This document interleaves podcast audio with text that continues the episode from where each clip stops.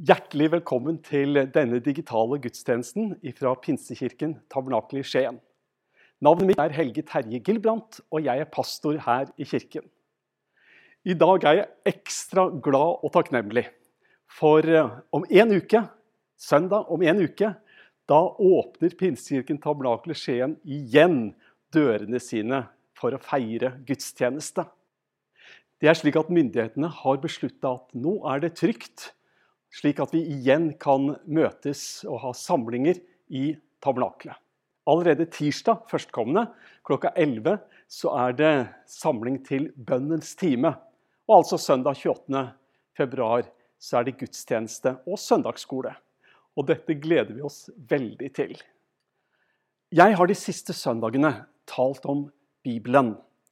10. januar talte jeg om hvordan vi i vår tid kan forstå Bibelen. 17.1 talte jeg om hvor viktig det er at vi har Den hellige ånds hjelp når vi skal tolke Bibelen. Og 24. og 31. januar så talte jeg om nødvendigheten av å utøve visdom når vi skal forstå og tolke Bibelen. Og Sist søndag så talte jeg om at Bibelen gir oss en, ja, en gullstandard som alt kan prøves mot. Som jeg nevnte sist. I dag så skal jeg stoppe for noe i forlengelsen av dette med denne gullstandarden. Som altså Paulus skriver om i Rombrevet kapittel 13 og vers 8-10. For der lærer han oss at kjærligheten er oppfyllelsen av loven. For Paulus, han skriver Du skal ikke bryte ekteskapet. Du skal ikke slå i hjel. Du skal ikke stjele, og eh, du skal ikke begjære. Og Det er selvfølgelig alt sammen både viktig og riktig. Men Paulus han skriver videre. Eller hvilket bud det så er, sammenfattes i dette. Du skal elske de neste som deg selv. Har du hørt et sånt uttrykk? Hvilket bud det så er. Klarer vi bare å tro at dette at Bibelen lærer oss at uansett hvilken situasjon vi er i, så kan vi bruke denne gullstandarden for å forstå hva som er Guds vilje. Det er noe som, som på en måte trumfer alt. Det er i forlengelsen av det bibelverset jeg i dag skal stoppe for at Jesus, dagen før han ble korsfesta, så har han samla disiplene på nadværssalen. Og da sier han det som er gjengitt i Johannes evangelium kapittel 13 og vers 34. Et nytt bud gir jeg dere. Dere skal elske hverandre som jeg har elsket dere, skal dere elske hverandre. Etter å ha lest dette så blir det jo naturlig å spørre seg selv nærmest hva i all verden er nytt med dette budet?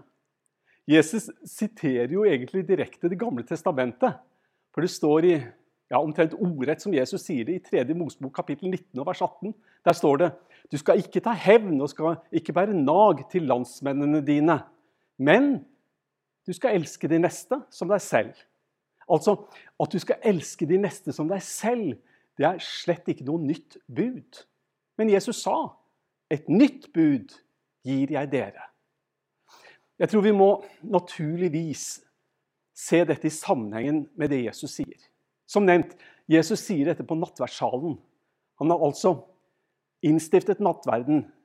Så gir han disiplene brød og vin. Og idet han gir de glasset, eller rettere sagt begeret med vin, så sier Jesus Dette begeret er den nye pakt i mitt blod, som er utøst for dere.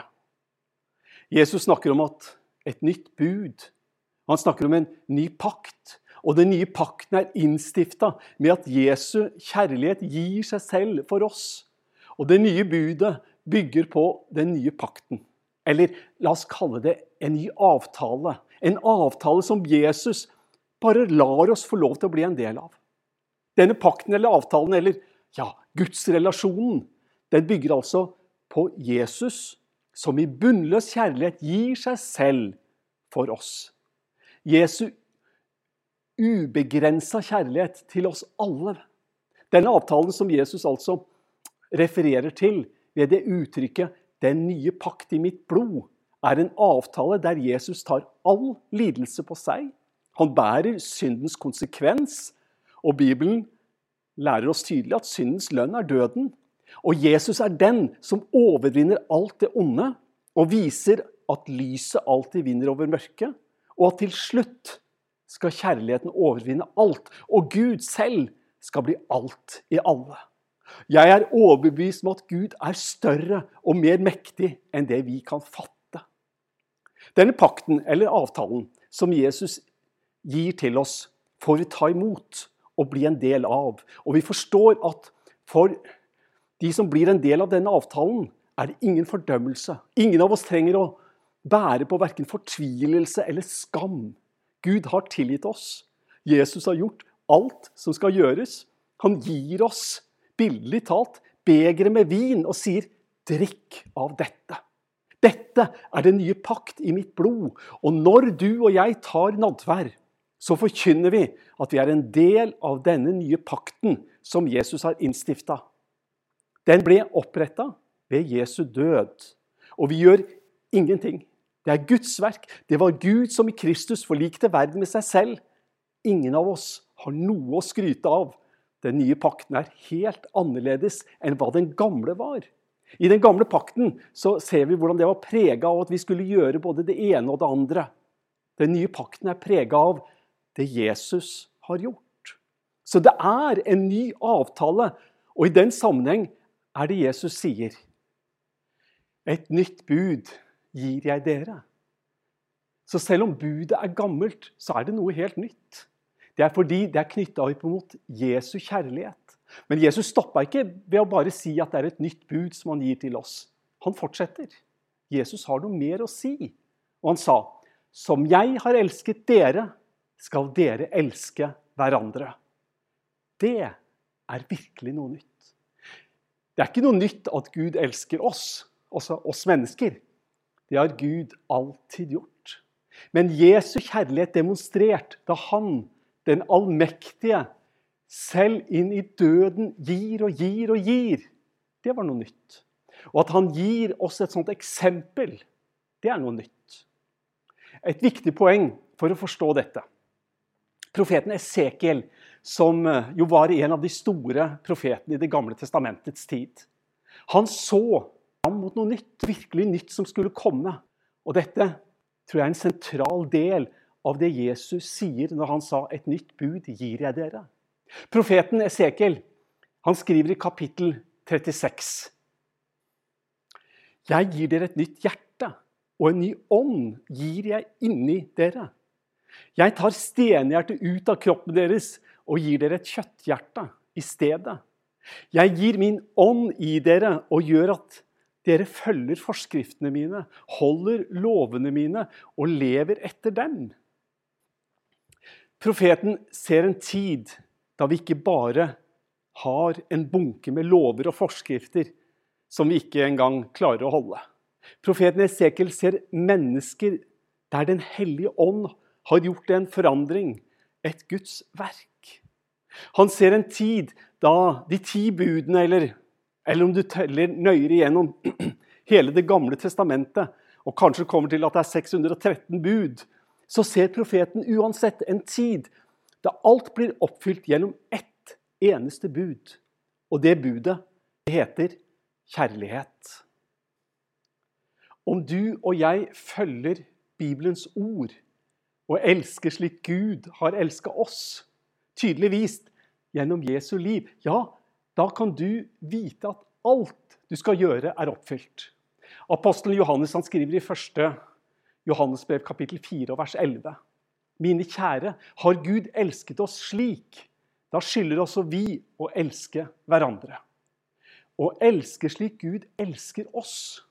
Eller som Jesus sa det, han som sa at han hadde gitt oss et nytt bud. Som jeg har elsket dere, skal dere elske hverandre. Det er Jesus som er Bibelen for oss. Det er han som er selve ordet, slik apostelen Johannes skrev det i sitt evangelium kapittel 1 og vers 1. I begynnelsen var Ordet, og Ordet var hos Gud, og Ordet var Gud. Og Så forklarer han det hele i vers 14. Og ordet ble menneske og tok bolig iblant oss. Jesus er det inkarnerte ordet. Det betyr han er Guds budskap til oss. Ikke som en bok, men som et liv. Han levde det ut, og Jesus kunne si det så sterkt som dette.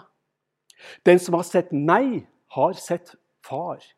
Selvfølgelig betyr ikke det at vi ikke lenger trenger Bibelen. Absolutt ikke. Men Jesus kom ikke for å veilede oss til Bibelen. Det er Bibelen som ble gitt til oss for å lede oss til Jesus. Og faktisk nettopp derfor er det ingenting som kan erstatte Bibelen. Vi trenger den hver dag, for den viser oss til Jesus. Jesus som sier 'Et nytt bud gir jeg dere'. Som jeg har elska dere, skal dere elske hverandre. Du, større enn dette tror jeg ikke det blir. Evangeliet er ikke en bunke med lover. Bibelen det er ikke en bunke med regler. Bibelen leder oss til den allmektige Gud, som gjør et skapende under i våre liv. Han, han legger sin gode Hellige Ånd i oss. Og det er nåde over nåde.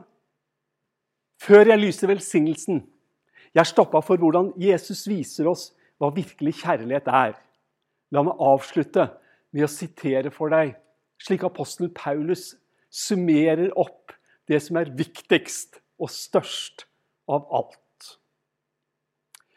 Om jeg taler med menneskers og englers tunger, men ikke har kjærlighet, da er jeg bare drønnende malm eller en klingende bjelle.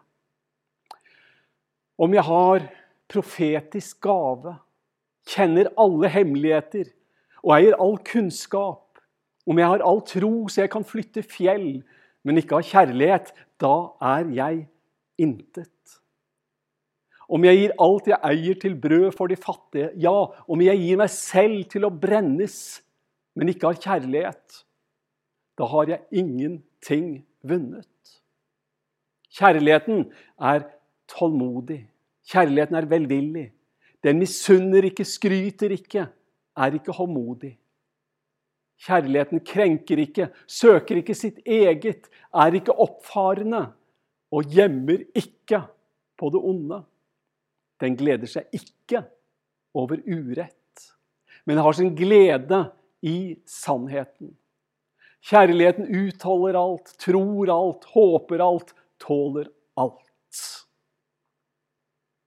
Ta imot Herrens velsignelse. Herren velsigne deg og bevare deg. Herren la sitt ansikt lyse over deg og være deg nådig. Herren løfte sitt ansikt på deg og gi deg fred. I Faderens, Sønnens og Den hellige ånds navn. Amen.